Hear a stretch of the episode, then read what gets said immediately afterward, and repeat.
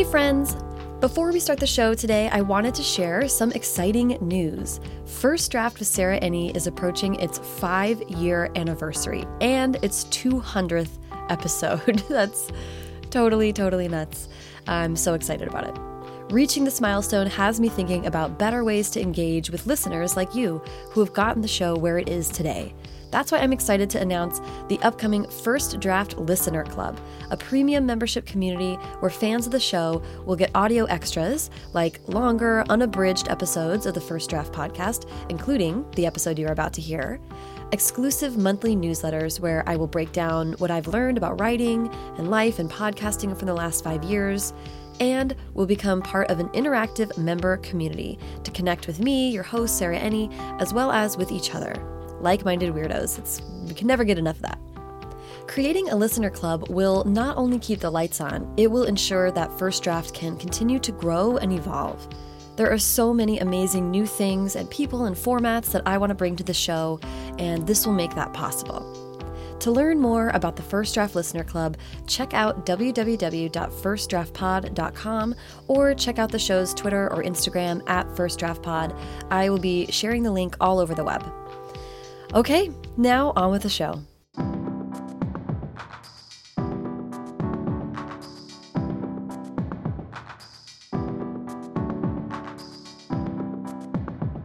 Welcome to First Draft with me, Sarah Enni.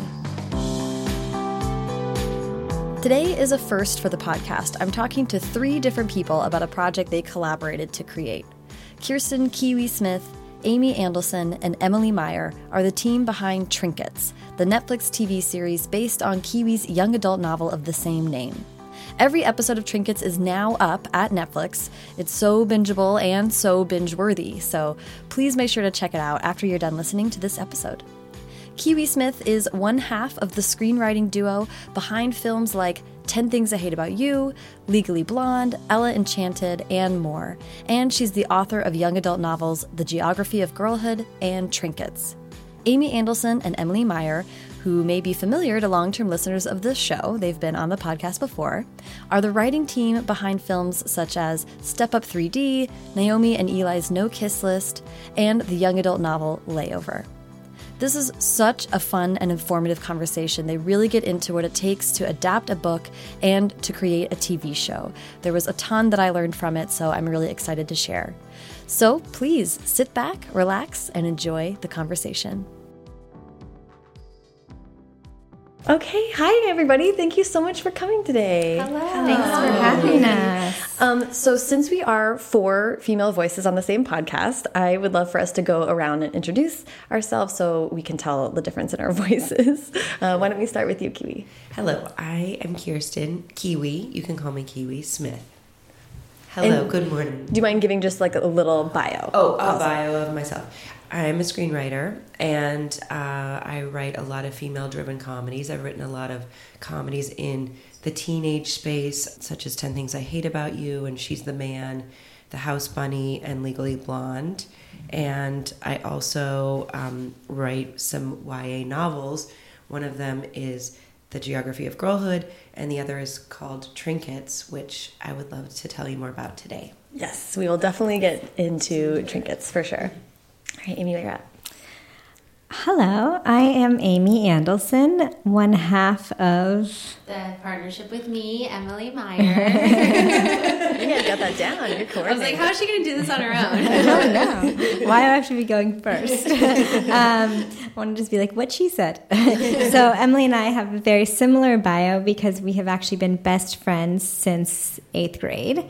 And because of that, we have a serious case of arrested development and like to just live in that space forever. So we've been writing uh, in the YA space for over like 12 years now with in features. We wrote some of the Step Up movies, and then we have our own YA book Layover that came out last year, and it's now, so good. And it's now so we blurb from Kiwi, mm-hmm. um, and now we are so happy about our latest endeavor, which was um, collaborating with Kiwi in creating Trinkets, the TV show, adapted from the novel. Yeah. Same name. Yay! So So, listeners to First Draft might remember Amy and Emily from a previous episode where we talked a lot about layover. And um, to get bios and more information on how you guys got to where you are now, everybody should go back and listen to that episode. It was a really, really fun one.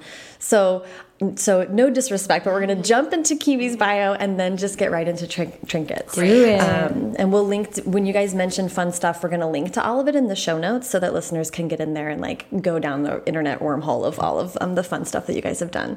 Um, so uh, I typically start interviews with a little bit of background and bio.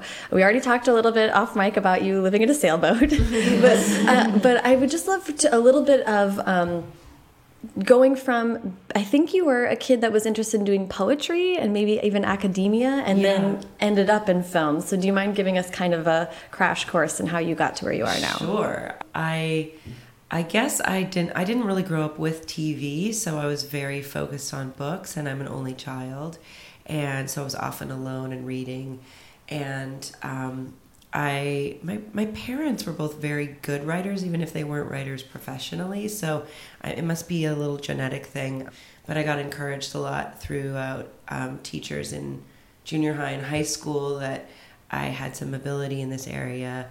Miss Phillips, I love you, Sue Phillips. um, and and so I just was, um, you know, often writing poetry as as one does as a young high school writer, and then and then I went to that was in the Pacific Northwest where I grew up in Washington State and Oregon, and then I moved to LA to go to Occidental College and. My freshman year roommate gave some of my poems to one of her professors, and he really sparked to it and so he um and you know brought me in his office and said you really need to be focusing on this so i started like presenting all my work to literary journals in within school and also sending them out into the world so i kind of got really involved in poetry readings on campus Yeah. and things like that and going to school in Los Angeles, you hear a lot. I mean, the proximity to Hollywood was intoxicating for me because when I was little, I worked, or when I was a teenager, I worked in a video store for four years. So I loved movies very deeply. So I started to get this idea that, oh, maybe I could try an internship. I could try to get into Hollywood and I could be like, you know, a kind of a screenwriter by day and a poet by night kind of thing.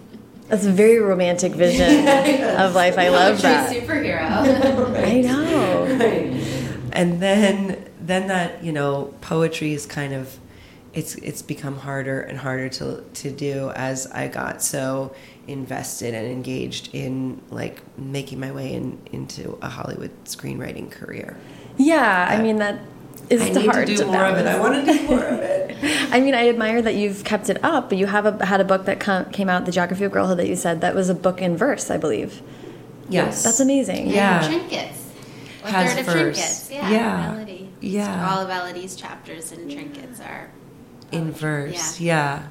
and that was a really the not the YA novel in verse was a really interesting thing that kind of ex- lightly exploded in the mid 2000s in the publishing industry, and it was an incredible opportunity for me to. Uh, fo- try to achieve a dream that I'd had of publishing a book of poetry, which is hard to do if you're not in an MFA community. So I got to to turn a lot of my poems that I'd written in college and after, um, and kind of thread them into this narrative for for the first novel, Geography, and then I just found it such a I don't know an, an easy and inspiring way to write that when I took a crack at the second book, I knew that I wanted to have one of the narrators write her point of view in verse. And I also felt that maybe that would help um, differentiate on the page. Like you have one character in verse, and you have another character writing in in third person, and you have another character um, writing in like a journal first person style. Yeah, it's really. I'm it's, sorry, not third. Yeah, like prose first person, poetry first person, and then journalistic, kind of more down and dirty. Yeah, epistemology. What's that called? Where it's a Oh, yeah. like a written letter form. But um, I'm gonna think of that later and kick myself. But Epistolary novels, yeah. There you go. Yes, Yeah. epistolary. It's so hard to differentiate voices, so I feel like any Yeah. kind of methodology you can put to it. Yeah. So let's talk about about the decision to write trinkets because Yes. like you just gave your resume, which is kind of like a you know a list of my favorite movies from the last like 15 years or so. So you were having a lot of success in screenwriting. Yeah. But I'm so interested. I love that you were still engaged in and interested in books. I mean, you ladies too were like always thinking about that on the side. Like, what was the pull to engage with publishing? It's a whole different world. Yeah. I think I had met a young adult agent through my travels and I I think he just approached me to say like would you ever consider writing a YA book? And then he started telling me about this girl he was dating named Jen and I said, "Oh, I wrote a poem about the Jennies, about types of women who are named Jennifer or Jenny or Jen." And and uh, and he's like, "I'd like to read that." So I sent him that and he's like, this is very good. And do you have more poems? And I was like, yes, I have bushels. So I sent him a number of poems. And then he said, I think we can turn this into a novel. We can turn it into like a partial manuscript. And then we could take, you could do 30 poems or so, and then we could present that to the marketplace and sell it. And he did just that. So it led to then, it Little Brown bought it and then they very generously wanted me to write a second book which i know y'all are having going through your writing your second book now. And it feels like its own process. it is. It's well it's a great forced deadline. You know it feels So like such a Second book syndrome is a, is a trademarked uh, issue. Yeah. so you know writing the novel in verse was really like a like wow this is so i'm i'm finally achieving this dream. And then the second book was like oh i have to like write a book now for real. I can't Right. just turn some i don't have a basis for anything but in fact i really did because there'd been a story that i'd wanted to tell for years and years that I kind of was thinking about it as a movie about three girls who meet in. Sh- it was more like people who meet in Shoplifters Anonymous. Um, that kind, you know, that Breakfast Club feeling of like these people are all flawed and they end up in this program and then they end up having a a secret friendship that is quite powerful. So I pitched that and a few other ideas to the publisher,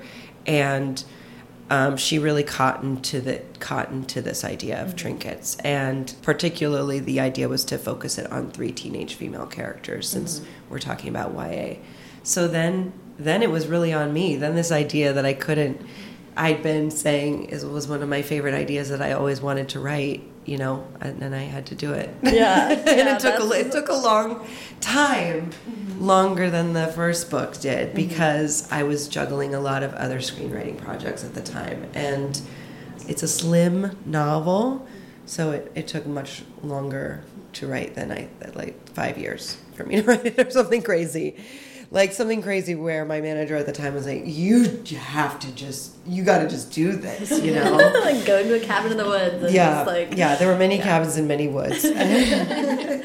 Well, and just just a little bit about the book. Um, you did a great job of, of kind of describing it, so I feel like listeners can kind of get what what it's about. But what were you able to explore with just straight prose that you hadn't necessarily been able to do with screenwriting or poetry, or how, how did it feel to kind of experiment with that type of writing?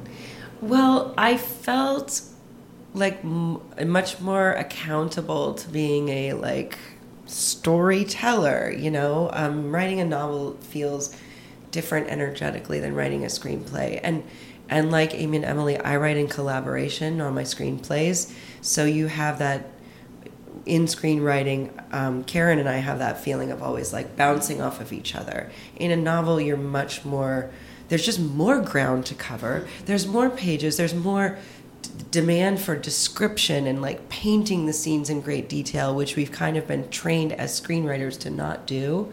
So, um, you know, it, less is not more in a novel Right. and more is and- more in yeah, a novel. and less is not more in in um, you know i mean in poetry it's always about succinctness and so so i think writing the tabitha prose pages her point of view is in prose those were like the scariest for me because i was really doing I was really like writing a novel in those sections the elodie p- sections felt really comfortable and the most sections did too because those are more like portraits but for tabitha she's she's got a lot of it's it's you know. Yeah. Do you know what it, that? I don't know if that makes sense, but um, so yeah, I thought that was it was that was probably why it took me so long. Was it fun? Yeah, it was really fun. It was fun. It was at times it, when you're writing, it's always fun. It's when you're not writing and thinking that you need to be writing is That's when not fun, yeah. it's not fun. Yeah, my friend always says like, you know, nothing makes you feel as bad when you're not writing, and nothing makes you feel as good when you are. So just you know, don't don't go to the thing that's making you feel bad, which is the procrastination. Mm-hmm. Go to the thing that you know you is gonna make you feel like, yeah, I got it done today. Yeah, someone I was talking to was saying like at some point the procrastination needle is like at some point not writing feels worse than mm-hmm. than writing, yes. and like that's when you're like okay I'll finally do do, it, this I'll do thing. it. well, it weirdly feels like addictive behavior. It feels like doing something you know is bad for you. Mm-hmm. Like that is procrastinating, not writing. It's it's addictive. It's gross. Oh, but it's all I day. yeah. Is that do you guys relate to how she's describing turning to prose after having to be so succinct for so long? Yeah, I think at first when we were writing Layover, there was something like so freeing about it, mm-hmm. just because we've all been in this world for so long where you're just mm-hmm. trying to keep everything so tight on a page. But then that also has its drawbacks too, because you're like, oh my, this could go on forever. Right. How do I? I think we're learning how to slow down and dig deeper, and Mm-hmm. that's the big challenge of our second book is how do you you know get away from the constant pull for like pace and story and and really just settle into Yeah. it's been a continuous challenge for us Yeah. It's interesting 'cause that that's such a good point because I feel like some of some of what I find to be such a relief about writing the pilot that I'm writing right now is I'm like, oh my gosh, there's so many limits. It feels so nice, uh, and there are limits in books, but you have to define them for yourself and define them really differently. And honestly, you get so much freedom. Like editors are like, take my note or don't, and I'm like, Yeah. ah, you know, that's really hard actually.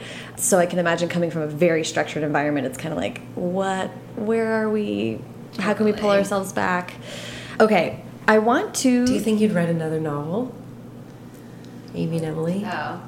After this? After this. I mean, like, do you ever think. make it to the other I, side of the I second wonder though too because it's like we both started in the same way where it's like okay we sold this book Uh-huh. that we're really proud of and now we have an obligation to write another book which we're going to make the best of and something great could come of it like something great came of trinkets Mm-hmm. And it goes on and has this whole other life but then like people often ask me oh are you going to write another novel and I I want to think we. I want to think we will. yeah I would want to do it without a ticking clock, which is hard to kind of that that fantasy of what it means to be a writer, where you're like, Right. I'm going to go to that cabin in the woods and like really do it. But if it's like you have a gun to your head and you're like, "Ah, I gotta get this out, I gotta get this out, it's really hard to feel. I think I'd actually like to uh, write my third novel with a gun to my head. Really? Yeah. like with an actual gun to my head. I haven't tried that trick on myself, and I think that could work great. The real trick to procrastination. I think I think a lot of people just in book world are doing a lot more of like kind of what you guys are talking about, like just not moving forward on anything until they have the full a full draft and maybe even a, an edited draft because writing on deadline is so hard for novels. It just kind of a novel is so hard to know what's it going to take out of you. Mm-hmm. How long are you really going to be doing this? Yeah, I really I welcomed when I sold the. I mean, I welcomed both deadlines. I mean, I the partial manuscript that I sold. I welcomed the fact that I was going to be, you know, held accountable to like finish this and have deadlines to do so. But yeah, also I think maybe partial manuscripts, fiction partial manuscripts, are less common now than they were um, in those in the 2000s when you could actually sell something that's only 30 pages. Yeah. I mean, for someone like you, you could always do that. when you have a background in film and TV, I think that they are they're like, oh, well, this person like has a platform and knows what they're doing. But if you're just a writer, uh, just writing novels full time, they're a little bit more like, but show us that you can finish this Oh, before, I at least for a first novel. Yeah. Um, and increasingly, I think for for novels going forward, they're kind of like, we want to know that you're gonna like be able to write the end at some point, Yeah. which is probably better for everybody. Yeah. I mean, one thing I really enjoyed about it was I could be more autobiographical and write about places like the, where I grew up and Trinkets was written in a in a town where I, Lake Oswego, Oregon. It was set there where, and I lived there for four years as a pretty young girl. But I always wanted to set a story there, and, and I always thought about it and kind of romanticized it in my mind. And so it's been really a cool thing to be able to then you know the show the show is set there and then we were a- actually able to shoot it there Really? Oh, that's Yes. so cool. which is pretty Yeah. pretty cool yeah. That's fun. It's the Pacific Northwest is a very has a very distinct visual aesthetic. I mean, i'm like uh, loved that Ten Things was in Tacoma because that's where my family all is. Oh, Um, wow. Yeah, yeah, yeah. They didn't go to Stadium High School, but they went. They were went to the rival high school, so I would like go, go to that football stadium and be like, "Here's where it is." um, uh, so, so I um, I love evoking place in, in writing is and in prose. Yeah. You get to kind of like indulge in some of that, which is really fun. That atmosphere. That was a big fight for the um, no, to get the movie shot there. I mean, it was really it was set. Ten Things, just as an aside, was set. The script was set in Portland, Hmm. but then they found this great high school, Stadium High in Tacoma, and it seemed like that was enough. At least it was a carryover. It was a Pacific Northwest place, Mm-hmm. and there was this beautiful school, and it justified um, the expense of shooting there. But I think it was so worth it. And the same with Trinkets. I mean, we just continued to press and press and stay committed to this notion of like, can't we? We have to be able to shoot it in Portland. Please, please, please let us shoot and it like in you Portland. know, you can sometimes have fake Toronto for you Yeah, know, and we were right. like, no, we just want it to be. we wanted to be in to be in Portland, and also because we. And then, oh my gosh, do you remember the day that we found out that we get to sh- we got to shoot We in Portland? squealed. it was embarrassing. It was a full. it was a full. yeah. It was a full jump up and down. But I think it adds so much to to the show and sort of externalizes a lot of their internal angst and moodiness and so many of hmm. the the feelings that are so Yeah, especially because we have like one of the main characters is moving from New Mexico, and so when she, you know, it's coming from this place where there's so much sun and it's dry, and and then she's it's damp and gray and wet all the time, and it just kind of is exactly how she's feeling inside. Mm-hmm. Yeah. Mm-hmm. And there's something to like it's it brings an authenticity, right? Which is Yes. like the thing with teen stories that is so important to mm-hmm. honor.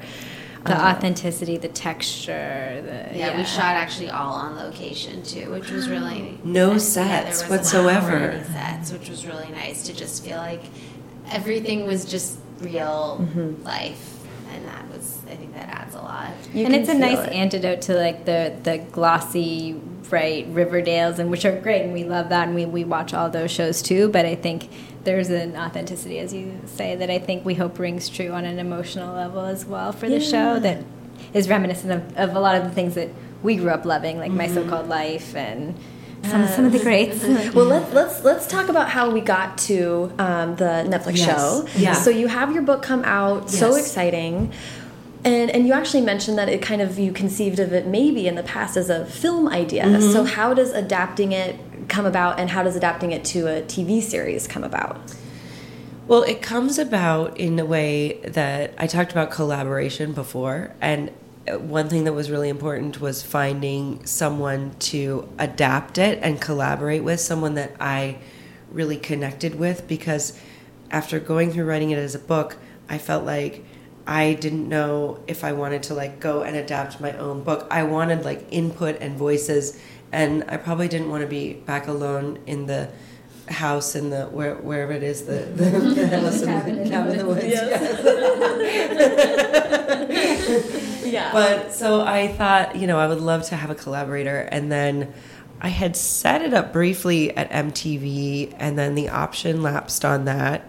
And then I met this executive at Awesomeness, T- Awesomeness, and she was a really big fan of the book. And so I told her that I would love to partner with some writers. And then we had just a very short conversation about it. And then serendipitously, I met these wonderful women through our mutual friend Alex Israel, who was doing a film project that I had, was helping him produce, and they you guys came to a screen wasn't it a screening or how did we how did we all we all came together Yeah. to kind of just like We all maybe ended up write in some your living voice room. yeah yeah we ended up in my living room and we were going to write some voiceover to kind of like help bring the story together a little bit as we were at in our final editing and Alex is like, "Oh, you're gonna love these writers. They wrote Naomi and Ely's um, No Kiss List," and I was like, "Wait, I know these writers. Didn't they write that What a Boy Wants script with Selena Gomez? I read that script. I love that script."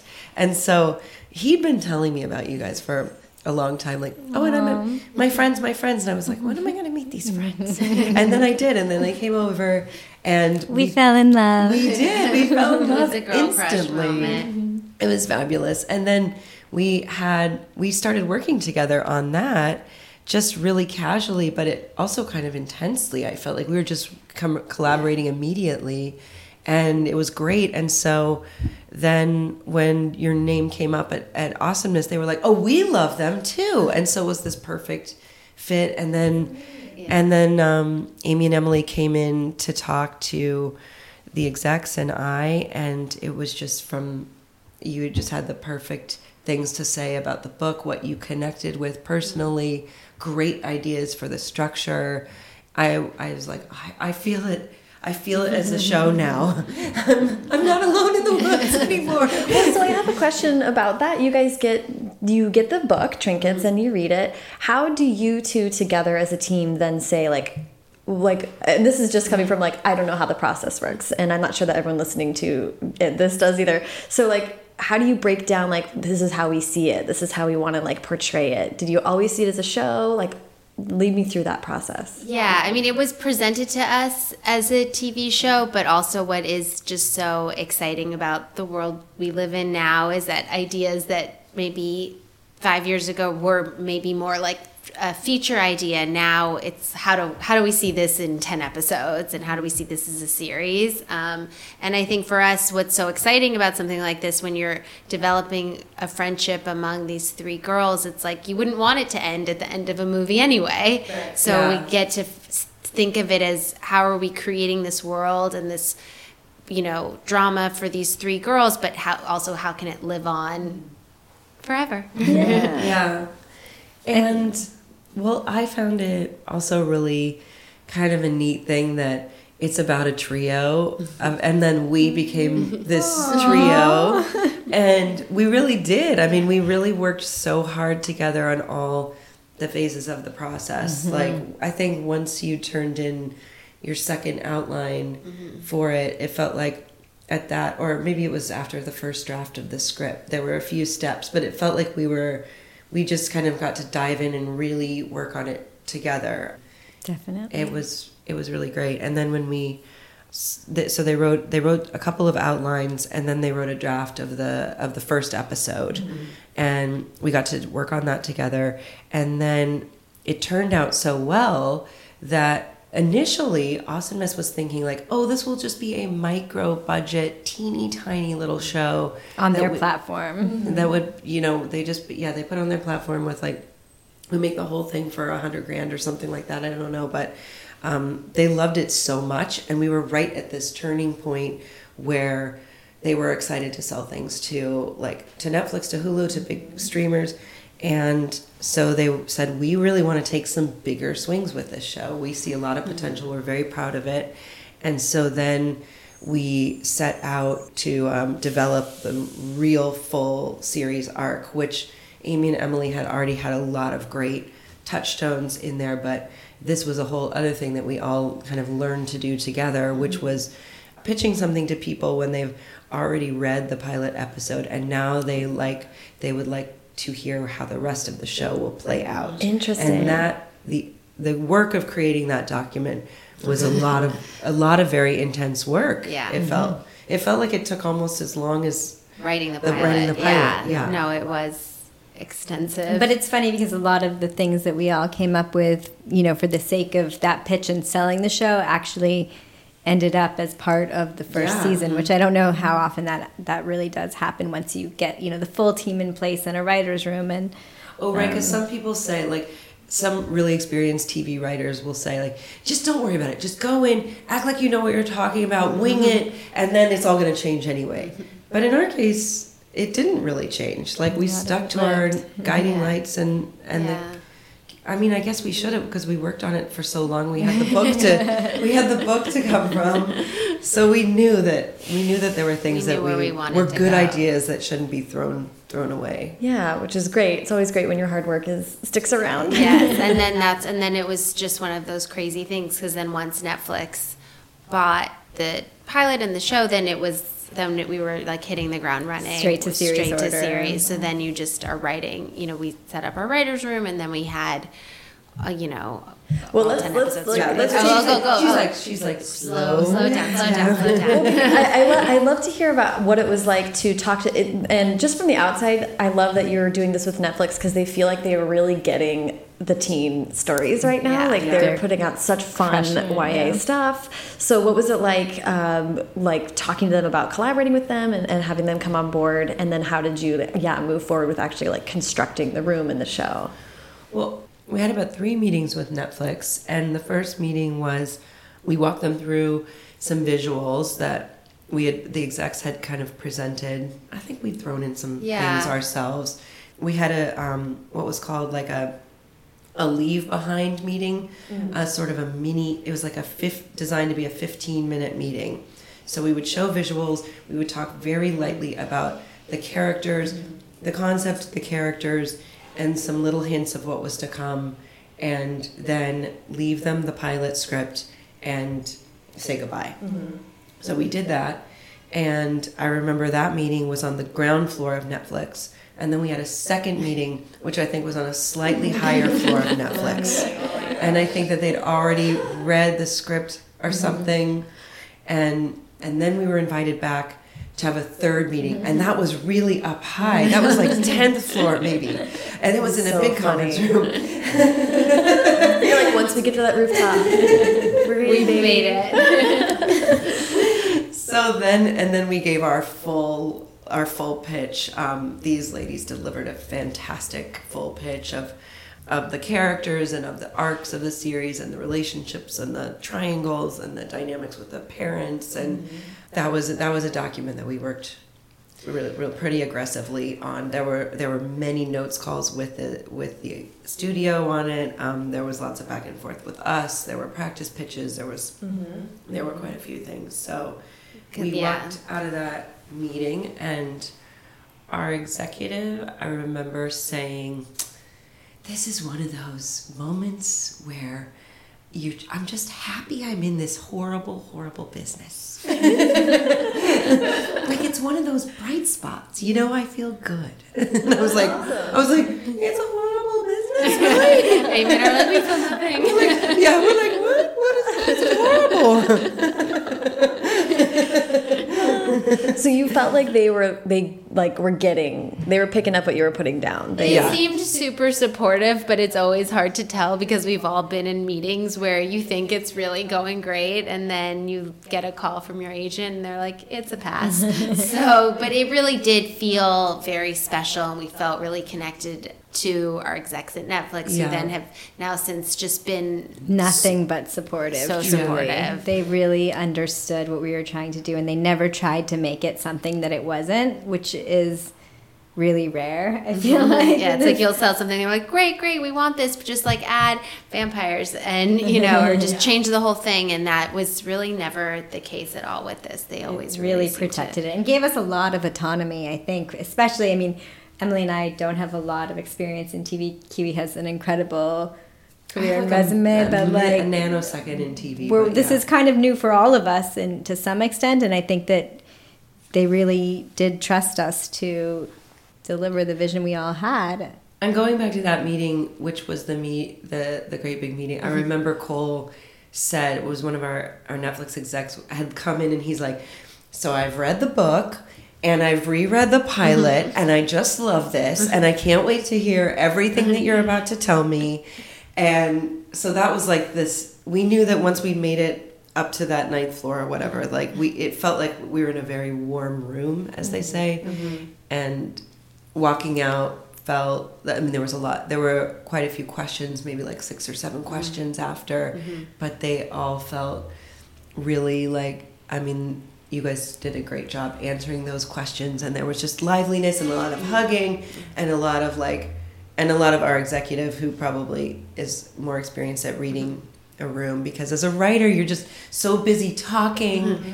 and you don't Selling you, yourself. people yeah, yeah. yeah and you don't know like i mean i still ask my friends who are who are writers how'd it go the way that mm-hmm. our agents and managers ask us and it's like in a way the writer's the last person in the Right, world right, right. to Well, be you're able all to outward energy, right? Like you're Yes. all like happy, uplift. So then when you Yeah. leave, you're just like, what happened? yeah that was a um, great moment It was. Yeah, and then it took a while for our deal to to go through. So then we became slightly more depressed and sad as each day passed until finally, We got the call. yes, But I think that is funny.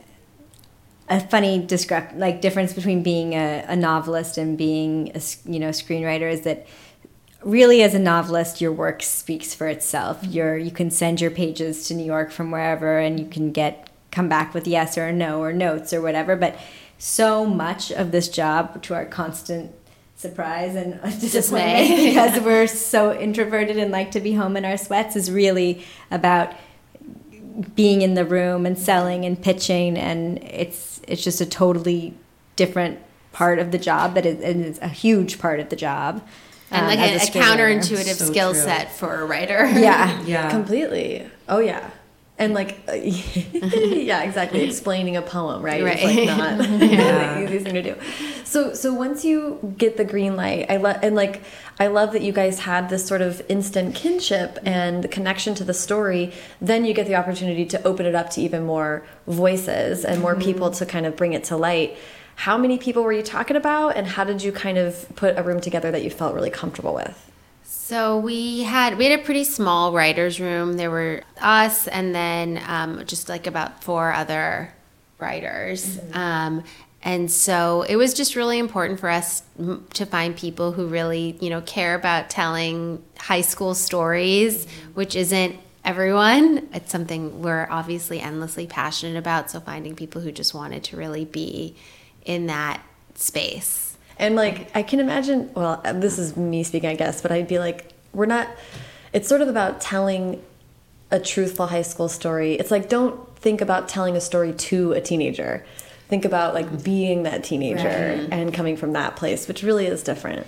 and also it was really important to us and it continues to be really important to us to find diverse voices to be in that room especially emily and i have one shared hive mind brain set of experiences and in trying to tell an authentic teen story you know sharing the, the, the writer's space with people who, who were able to really write to experiences that are different from our own and reflect the, you know some of the things that the characters are going through and their their unique experiences was really um, important. And that's one of the great things about television and, and expanding that collaboration as a writer is you don't you get to tell more more truths than just you know your own and, I will also say this is a little bit going back to your comment about like the pitching process and how how that's such a big part of the job is how it was really exciting for me to watch you guys grow through that process. You you always have been fantastic mm-hmm. pitchers, but like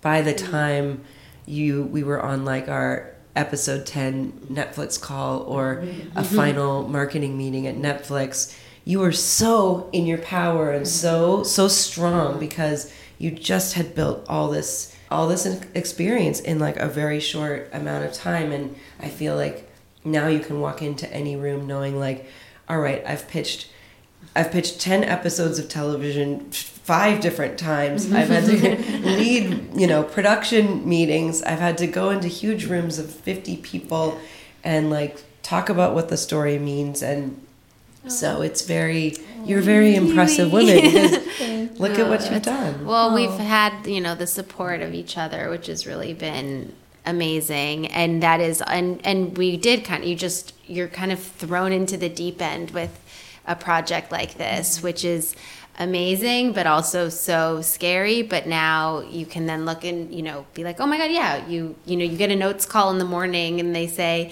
oh no you have to totally restructure this episode and you just have to do it really quickly the and pace, the pace of TV is so different than you know writing features or writing books for sure, and it's a great muscle. If nothing else, it's a great exercise in in working that muscle, which is, Mm-hmm. um, I mean. It, Everyone says it, but it's so true. It's Yeah, really it's unrelenting Yeah, I'd love I'd love to actually hear about that. About like as writers. I mean, like almost everyone listening to this podcast is a writer, um, and so we love to talk about process and how um, how it changes. But that was like a lot of all of a sudden like a lot of demand on your creative brains day in and day out. What was the transition to that like? And also, I'm not sure exactly.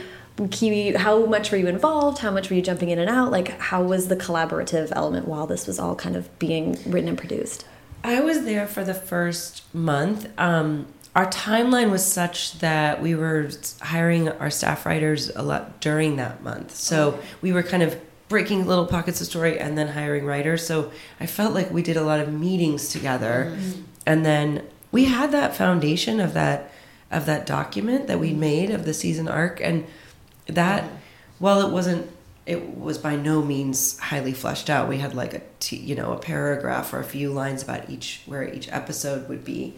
We still had that as a foundation and we still came up with a lot of things in that month that stuck in mm-hmm. terms of the structure somewhat. What's really amazing is I feel like we always had the same vision for the show, Yeah. which we, so you know, Kiwi was really involved in you know as we got drafts and scripts and outlines and and we were never. Oh, I love to get a draft. I love to give my thoughts and feedback. The first, the way I give my thoughts and feedback with Amy and Emily is I just like put it in revision mode and like type alts and strikeouts and pitches and t- put it in there. She's so good and so quick. But and I did- so honest. I did that to our, our showrunner the first time, and no, she was not as, not as open. Got it. That's the thing with bringing in new voices, right? It's I was like, oh, oh, we, Yeah. right, we work in our own way. but because we always had the same the same vision for the show, it made it easy to have a shorthand. Yes. Go, you know, going through the process with everyone else because we, we were always uni- able to be very united, Yes. which was that great. means a lot too when you're Yeah. um, when you're working in literally any environment to know that the people you're with, especially the people that have power in that like in that moment have your back. Like if you if something goes awry that you can know that someone has your back and you'll get through it together. That's like makes all the difference in the world. everything. Yeah. Yeah. yeah So and it was also really lovely. Sometimes I would come back into the room for I co-wrote two episodes, and so I would come back into the room to talk about those as much as I could. And there there was one time when like Emily had a copy of Trinkets, the book, and she's like, "Well, in this scene, we were thinking that she says," and then she like proceeds to read one of Elodie's poems, Probably from memory. and so then like here we want to put that in this episode and in the finale and i was just like oh you guys remember the book better than i do and you're still carrying around the dog-eared copy of the book and it just really meant so much to me to have you continue to, to just like to honor it and um, make it a fabric of the show Yeah, that's incredible. I was gonna say it must be like I mean for you you like created this thing and now it's kind of like like a kid. It's like growing Yeah. and, and becoming this whole other world Yes. that you can kind of like it's like a top. You set it and Yeah. off it goes. she's evolving beautifully i'm very proud of her So Very exciting. proud. So then you get the chance to to write it, break out the whole season, film on location. That's so cool. And, and, and we, we cast it too. That was Oh, a yeah. really big part of our process. I'd love to hear was about that. Yeah. It was a we had we cast a very wide swath. I what John McAlary, our casting director, said we saw. He saw like six thousand It was insane. We watched a lot of auditions. the key Three high schools walking through Yeah. one by one. That's But Yeah. we really feel so lucky to have the cast that we have, and they just were Yeah. really magical, and and have the they've become friends, like such close friends in real life, and that Yeah. that chemistry is just its own special. It's a really nice, yeah, it's a really nice balance of experienced experience. And um, our newest actor, Quintessa Swindell, plays Tabitha, and they are just a stunning, stunning performer. And then we have Brianna Hildebrand is our most experienced actor, and she was in Deadpool 2. So good She's so good. And Kiana Madeira plays Mo, and she's just like our comedy, like firecracker. She's fantastic. And we have a great group of guys too, playing Brady and Noah. And Luca. newcomer Luca. New, yeah, we have two new characters that we made that are not from the novel, Luca and Sabine. So they will be introduced to you mm-hmm. in, in the show. Tune in. Yeah. Also, what was it like? Was this? I know you guys have written for movies, and I think you've been on set writing while things are happening. But but this experience of like knowing who is going to say these words, like, was that? How did that factor in, or how did you think about that?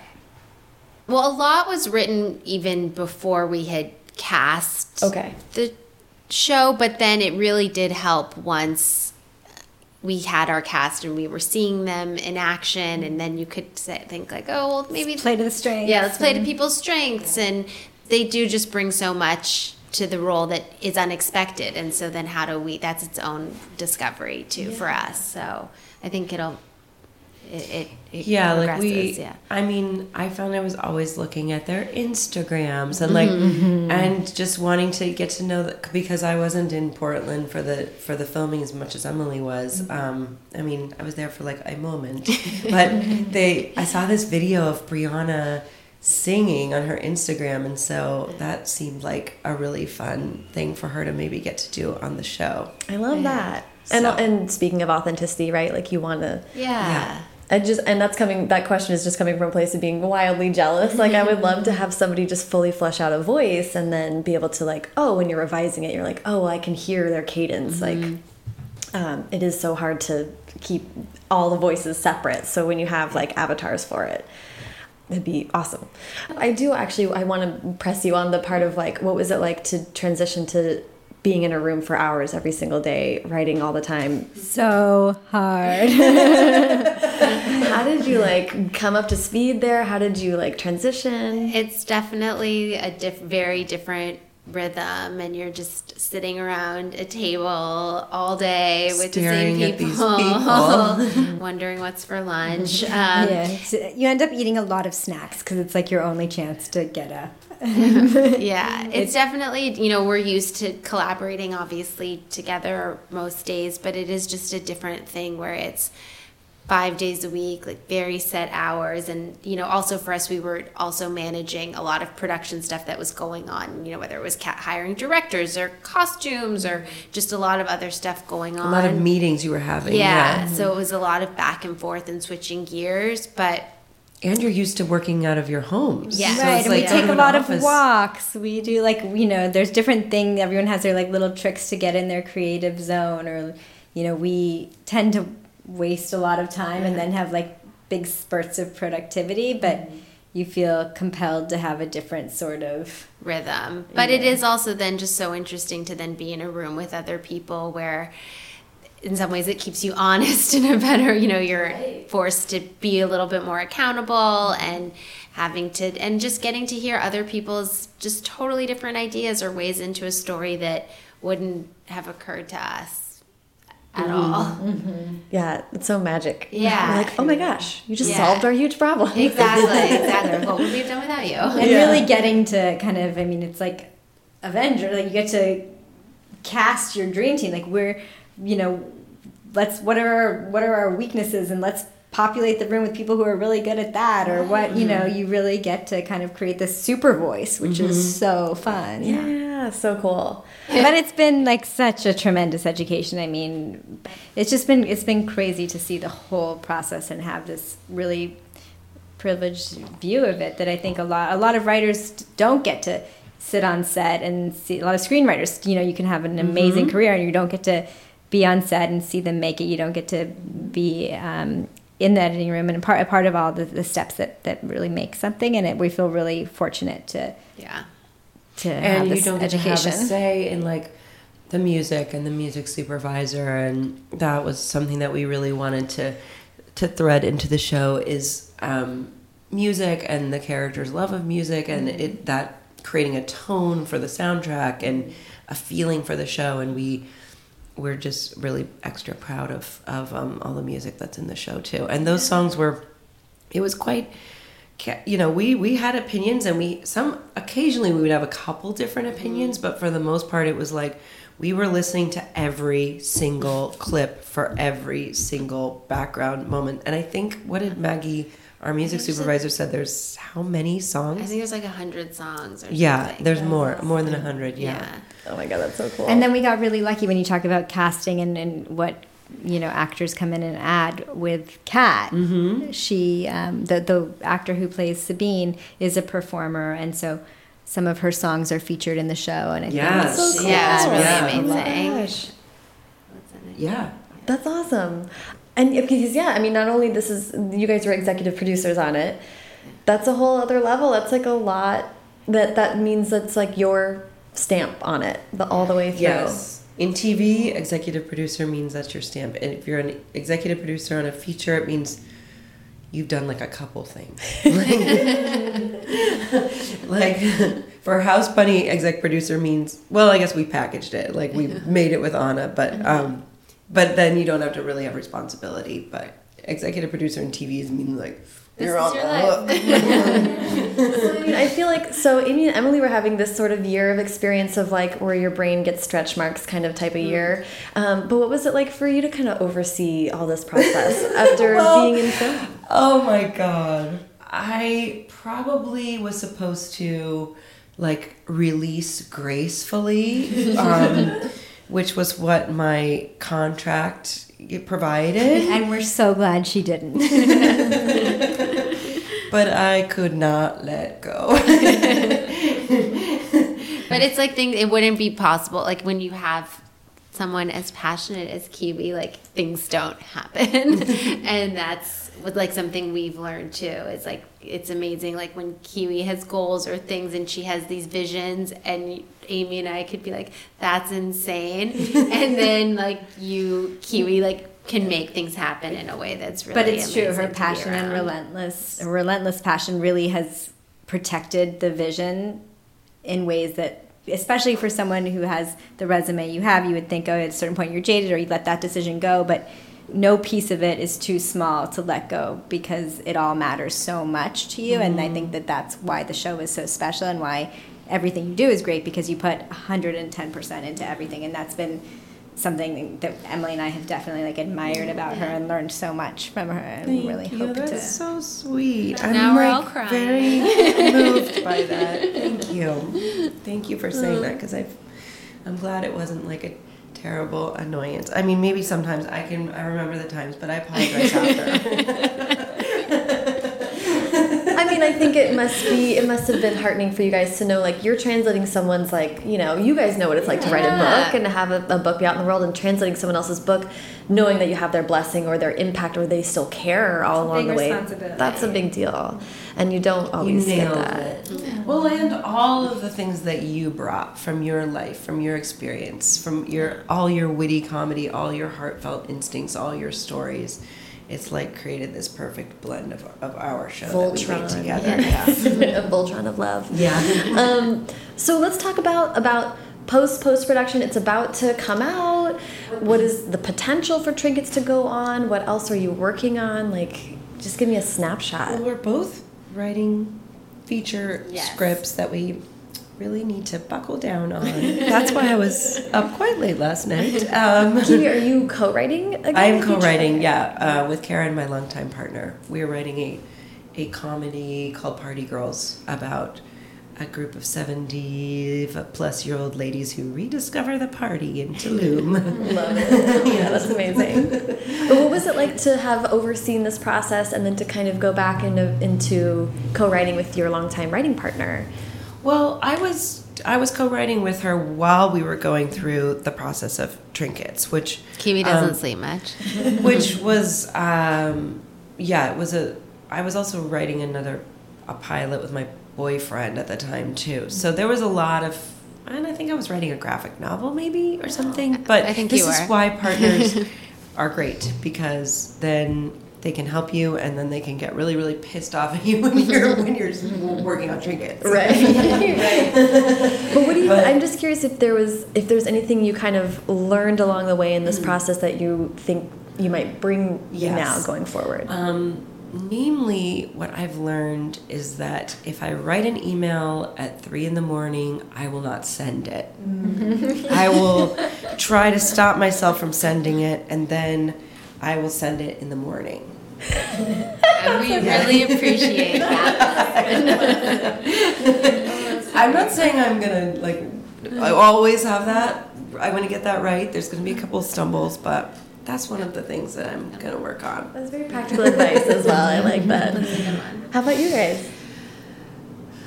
You do it. what have we learned? Well, I think that hopefully we've gotten to be faster writers. Yeah. Um, Yeah, I mean, But you kind it- of went to boot camp. Yeah, it feels like it. I think, yeah, being faster, being in some ways a little less precious with Yeah. certain things too. I think that was another benefit of the pace is if something you just got to throw it out and move on. Yeah. And whereas sometimes I think you can, when you're working alone, you can have something that maybe you know deep down is broken, but just let it sit there for longer. Mm-hmm. And this, you just we we've just had to move on faster. You guys got, I mean, you were very good at holding the whole narrative in your heads, uh, which I was really impressed by. And even, I mean, even though you mentioned letting go as one of your lessons, I also felt like, remember at that very late date when we were working on episode seven, there was a big, like a big conversation, information, a lot of information was coming out. And you guys had the idea to like, in almost like we were about to shoot that or mm-hmm. sh- very shortly to shoot that episode you said you know what? Let's take that piece of information that we have cut it in half and save the back half of it mm-hmm. for the for later in the it mm-hmm. later in uh, next few episodes. And i just thought okay good. It's never too late to have like a critical key idea. Like never never become so fatigued that you can't hold the story in your head and just remember like okay, we got to look at this big picture and make sure that we're always staying on point. Right, especially with like 10 episodes or whatever you're dealing with, like getting way down to the weeds on something, but then holding the whole thing in Yes. your. How anyone does like 22 hour long episodes is sort of seems crazy because Yeah. we had, you know, 10, 30 minute episodes, which seemed like a lot of material to cover and um, doing Yeah. more seems daunting. I think, yeah, if we should we be so lucky to be able to continue the show, I, I think we'll we'll be able to be grateful for 10 half hour episodes Yeah. and know how to attack it and manage it in a, in a much better way. Because i have so many friends who are on these 22 episode hour long shows and they're just like if only someone could give me a 10 episode half hour i would mm-hmm. like my life would be breezy and dreamy. And coming from features we were like this is so intense. But i think now we know like okay we, we're in a pretty nice position uh-huh. so we're ready. And it's really nice to think about like getting to you know continue living with the characters and what do we want them to face next. And mm-hmm. I, you know we've never written a sequel to any i mean Yeah. not where, where it's continuous characters. So having if we get a, a second season getting to you know first we started with the book and then season one and you just like to be like now what like we, we wouldn't even like where does this go? This is so fun. Yeah, that's so neat. it's almost like i'm so excited to brainstorm more with you. And also, I mean, like Amy and Emily, you guys have written a book before, and you're like in the process of writing a second book, and then you have this experience of like breaking down a book to its bones and kind of rebuilding it in this other way. I'm just curious if you're taking any lessons from that to that to prose writing. Oh yeah. Mm-hmm. Like, are you thinking when you're writing the second novel? Oh, this could be a show. This could be a movie. So where it's going to inform our decisions slightly, or are you keeping it separate? I think we're trying to keep it pretty separate just because I think like letting it live on its own and it can be its best self in book form and then if it turns into if it were to turn into something else that would be great but I think if then any- they'll call me and be like, "Could you adapt our book Exactly. because we're too close to that it?" That would be amazing that would be the real dream then we know we've made it yes, yes, I would love um, that. But yeah, because I think in some ways, what we're always trying to do with our book writing is to turn off this the mm-hmm. screenwriter brain. Right. So I think that's and and trying to use it almost as like a release from all of that. Yeah. Uh, um, do does it impact other ideas that you guys have batted around as far as it maybe not being a feature and maybe being a TV show? Yes. Definitely, Yeah. definitely. I think that the TV landscape is so exciting right now, and um, and just you know being able to think about story and that. And just like the same way where for layover our book that was originally a feature idea mm-hmm. and then we realized it would live better as a novel so i think it's just trying to find the best place for the story to live Right, right. And I mean, same question for you, Kiwi. Now you know that you could make a 10 episode arc of something mm-hmm. and maybe instead of a screenplay. Does that feel tempting at all or? Yeah, as long as I can do it with Amy and Emily.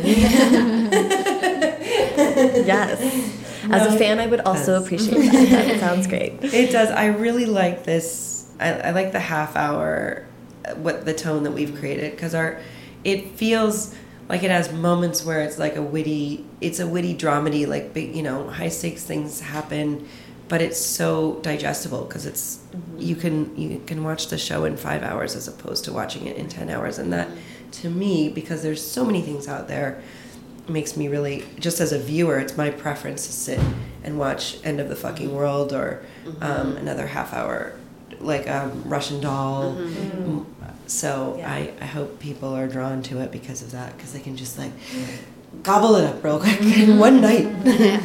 I love that. Um, um, so we're at about an hour, so I, I usually wrap up with advice, but before we go there, is there anything else about trinkets that you want to make sure we talk about or anything else that's on your mind?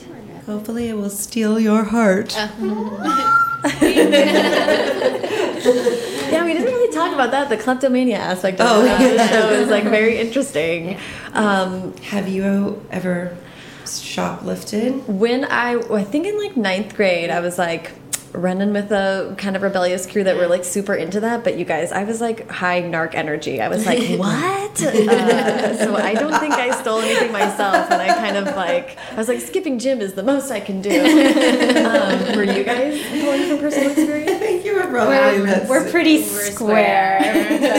but I mean, I think for us, it like it speaks to any type of rebellion that, mm-hmm. and, and and any type of rebellion, and also like any form of addiction, and just like what you're trying to do when you feel like you don't have control. And mostly, I think why, why we connected to the book, you know, so immediately is is for us. It's really the shoplifting is is a hook, and it's there, and it's definitely a part of the show. But but at least for me, I think the show is really about friendship and um, you know connecting at a time of life of so much shared vulnerability and and um, that you can meet someone at that time in your life when you know you're sort of walking the bridge between who you are and who you're going to become and the, the people you meet can really become your life rafts and that's that's what these girls these characters are for each other. It's so funny when you say that because I feel like it's echoing exactly what we've been talking about about making the show. You can meet Yeah. these people at a certain moment in your life, and then So you become meta. each other's life rafts, and you go on this big adventure. so true. Well, I think that's why we're all pulled to this stories about this age. It's like those lessons never stop being true. Uh, they just replicate throughout the rest of your life in many ways. Totally. Um, but the first time you're going through it is like, what? everything's so heightened at that and when it's happening for the first time and, Yeah. and so that's i mean for storytellers that's amazing It's also very sweet that these girls are, it's like their outward lives are so different and their inner lives are so similar. I'm Yes. kind of obsessed with that, like, like, Yeah, the facade. yeah. Yeah, they're like superheroes in a way. They present one way, and then they've got something else going on. I would definitely argue that teen girls are like superheroes in a lot of ways, uh, including being the, the Bruce Waynes to their Batmans. That's so fun. Uh, So, so, so we do wrap up with advice. You guys have given like amazing advice this whole way, but I'd love to hear, just as people maybe embarking on a new form of storytelling, like what advice you would give to people that are about to kind of like jump into that or attempt that.